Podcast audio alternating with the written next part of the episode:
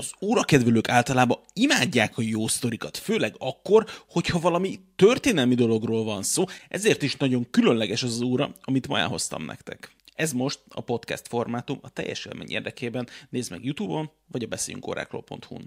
A Vostok Europe-ról sokan tudjátok, hogy Litvániában működnek, és így gyártják a távolról felismerhető formavilágú és hangulatú óráikat. És tudjátok, hogy én általában nem rajongok a túlméretezett órákért, de a Vostok European igényességgel állítja elő a, még a nagyméretű óráikat is, hogy arra nem tudom azt mondani, hogy teljes mértékben öncélú lenne. És a nagyméreteik ellenére is stílusosak tudnak maradni, szemben néhány másik gyártóval, akinek ez nem igazán sikerül. Invicta. Ez az óra, amit most elhoztam, a Vilnius városának 700 éves alapítási legendájáról és a vasfarkasról szól.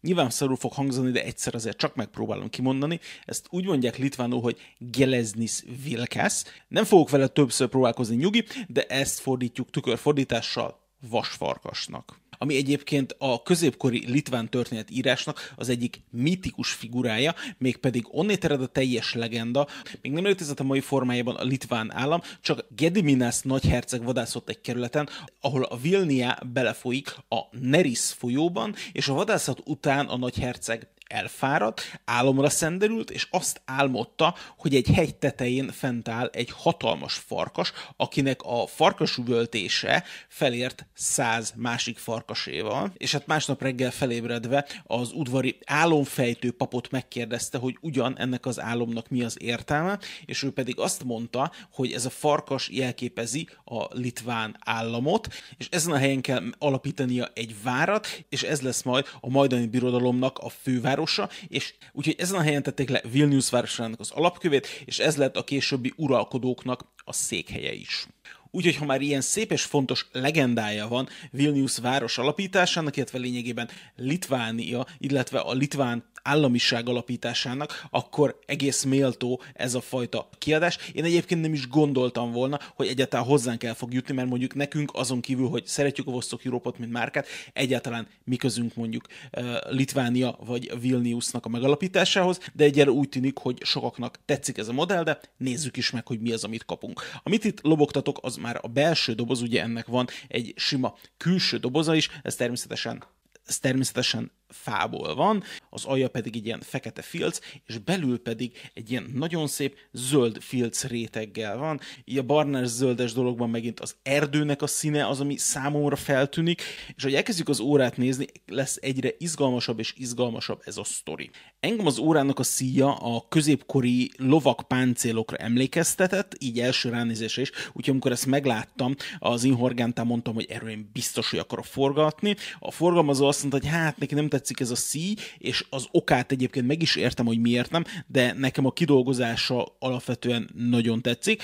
Az egy kicsit elrontja egyébként ezt az amúgy tökre szimmetrikus és tökre jó kinéző órát, hogy a koronát azért csak föl kellett tenni ilyen fél kettő magasságára, még csak nem is négyre, nem is kettő, kettőre, nem is egyre, de hogy ilyen fél kettő magasságában ott van, persze szép izé, eh, rendes, becsületes, eh, menetes koronazár, tehát hogy, hogy ez a rész ez teljesen rendben van, benne egy teljesen csontvázasított Seiko NH72-es szerkezet található. Nem új ez a szerkezet, ezzel lehet találkozni egy csomó konkurens márkának a kínálatában, például, ha jól rémlik, a Philip Plein-ig is ezt használják, de azért mondjuk összehasonlít egy Philip Plein órát ezzel, és így érezni lehet, a, konkrétan füttyögni, de akár zongorázni is lehet az órák minősége közötti különbséget, csak vegyétek kézbe a kettőt, és meglátjátok. Ez a farkas motivum egyébként ö, több helyen visszaköszön az órán, például az indexeknél is, ezeknek ilyen farkasfogszerű mintázata van, és a számlapon pedig ezek a kis háromszögek, ezeket is lehet sokféleképpen értelmezni szerintem, ezt lehet akár erdőnek is,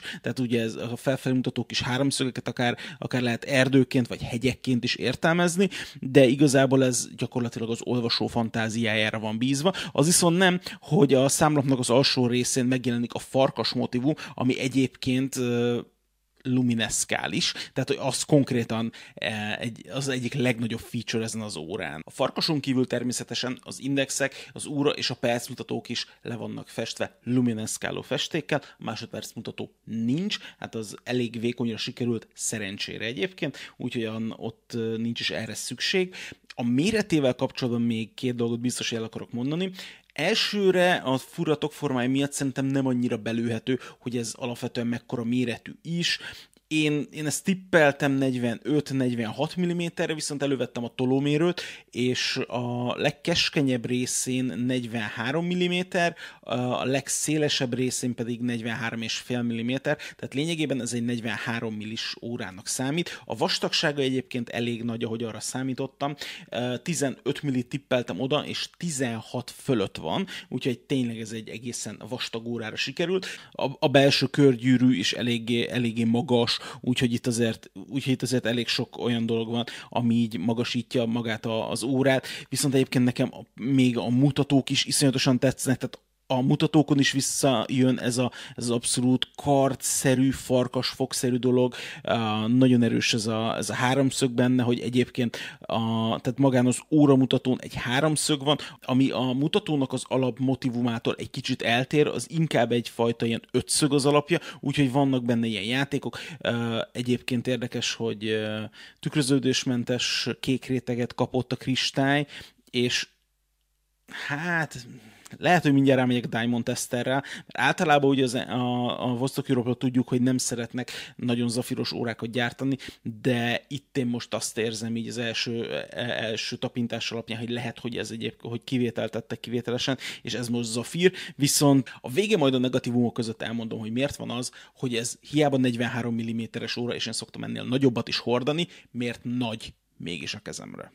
A vosztokirópoknak a nagyon nagy része ugye kvarc, kvarc kronográf szerkezettel érkezik, viszont itt most ugye egy mechanikus csontvázasított szerkezetről beszélünk, ami egyébként szerintem mondom árérték arányban az, hogy 232 ezer forintért kapsz egy, egy ilyen tök jó tokban lévő órát, aminek egyébként ilyen sztoria van, azt szerintem lényegében egyedülálló, és ugye limitált, sorszámozott, tehát itt nincs az, hogy izé szembe fog jönni majd még egyszer ugyanaz a példányszám vele, úgyhogy valamennyire hihetünk abba, hogy ebből tényleg 700 darabot fognak gyártani, mint ahogy a szerepel is a hátlapján, ez a 700 éves dolog. És ami még külön érdekes, hogy persze bele van marva a hátuljába a sorozatszám, viszont magára a kiskönyvre is konkrétan rá van írva. És nem kézzel, meg minden, hanem konkrétan így van kinyomtatva. Tehát, hogy, hogy ez a része, ez nekem különösen, különösen tetszik, hogy ez nagyon igényes, nem csak azzal, hogy ott izé, kihagytak egy négyzetet, és az izé kézzel kitöltötték, hanem hogy konkrétan így van leprintelve és ez, és ez nekem végtelen szimpatikus, már önmagában a kiskönyv is egyébként, amiben még maga a legenda is le van írva, QR kód van hozzá, tehát hogy egy csomó izgalmas dolog van, amit, amivel együtt így érkezik az óra, és általában, hogyha az óra egy nagyon jó szedben érkezik, azt én általában szóvá szoktam tenni, úgyhogy most sincs ez másképpen. A fémszíjával kapcsolatban még van egy érdekes dolog, hogy máshogy néz ki előről és hátulról. Ez le, erre lehet, hogy azt mondjátok, hogy hát ez minden színe így van, de itt nagyon nem. Előről tényleg ez a páncél jellegű dolog van, míg hátulról három részesnek tűnik, előről viszont csak egy részesnek, úgyhogy ez, ez egyfajta egy nagyon érdekes hatása van, hogy amikor megfordít az órát, hogy hm, mint hogyha egy teljesen más szíjat néznék előről, mint hátulról és ha már eddig szembe dicsértem az órát, akkor hadd mondjam el a negatívumait is. Ugyanis kettő így hirtelen eszembe. Az egyik rögtön a hátlemezzel kapcsolatos, hogy mivel ilyen nagyon egyedi kialakítású a hátlemeze, ezt uh, valószínű nem fogja tudni minden sarkon lévő órás felnyitni, ami valahol egyébként pozitív is, márka szerviz. Uh, viszont a másik a sokkal prózaibb, méghozzá túl merev a szíja. Tehát, hogyha megnézitek, a, itt most így mutatom, hogy ugye leír itt egy ilyen kis csodálatos, ugye leír itt egy ilyen kis csodálatos ívet. Na most ezzel az a probléma, hogy ha neked ennél kisebb a csuklód, és hiába veszel ki szemeket belőle, mert ez az első öt szemnek a, az ívén egyáltalán nem fog változtatni. Tehát, hogyha kiveszed az összes szemet, és innét próbálod összekötni az órát, nem fog sikerülni egyrészt, akkor is túl nagy ez, ez a része. Tehát, hogy van ennek egyfajta olyan korlátja, hogy mekkora csuklójú ember viselheti a szí hosszától függetlenül is. Úgyhogy ez, ez egy hátránya. Ez a szín, és valószínű egyébként a, a, a magyarországi kereskedő, amikor mondta, hogy neki nem tetszik a szí, ő szerintem erre gondolt. Nekem ezzel egyébként nincs gondom, bár ez, ez az óra rám egyébként nagy. Tehát, hogy nem szokott ilyen lenni, de ez az óra rám konkrétan nagy. Méretben sem szoktam ekkorákat hordani, de általában nem szokott rosszul lenni, volt rajtam 44-es, volt 46-os óra. Ennek a mérete, mondom, egyébként rendben van, és pont emiatt úgy érzem, hogy nem illeszkedik tökéletesen a csuklom vonalához, vagy hát a karom vonalához, és ezért ez egy kicsit így, így nagy. És az egyébként ezt még egyféleképpen tudom szemléltetni. Itt látszik, hogy az óra tokja és a szí ugye itt eláll egymástól. És ez is szerintem egy olyan, nem, egy, nem biztos, hogy egy ilyen a világ legkellemesebb dolga az, amikor a szí, amikor a szí és az óra test eláll egymástól, úgyhogy ha valaki gondolkodik ezen, ezt azért vegyetek figyelembe, és általában szoktam biztatni az embereket, hogy óravásárlás előtt fel kell próbálni, ez kimondottan egy olyan óra, ami hiába tetszik a márka, hiába szereted önmagában a Vostok Európot, hiába szereted a nagy órákat, lehet, hogy ezt megéri felpróbálni, és megéri megkeresni, hogyha ez nagyon tetszik, megéri felkeresni valamelyik Vostok Európot forgalmazó boltot, mert lehet, hogy ez lehet, hogy ezzel kapcsolatban lukra lehet futni, úgyhogy ezzel kapcsolatban is csak az óvatosságot tudom mindenkinek mondani, tudom, izé 14 nap elállás, meg minden, de, de igen, szóval, hogy próbáljátok fel, próbáljátok fel, és próbáljátok fel, hogyha lehetőségetek van rá.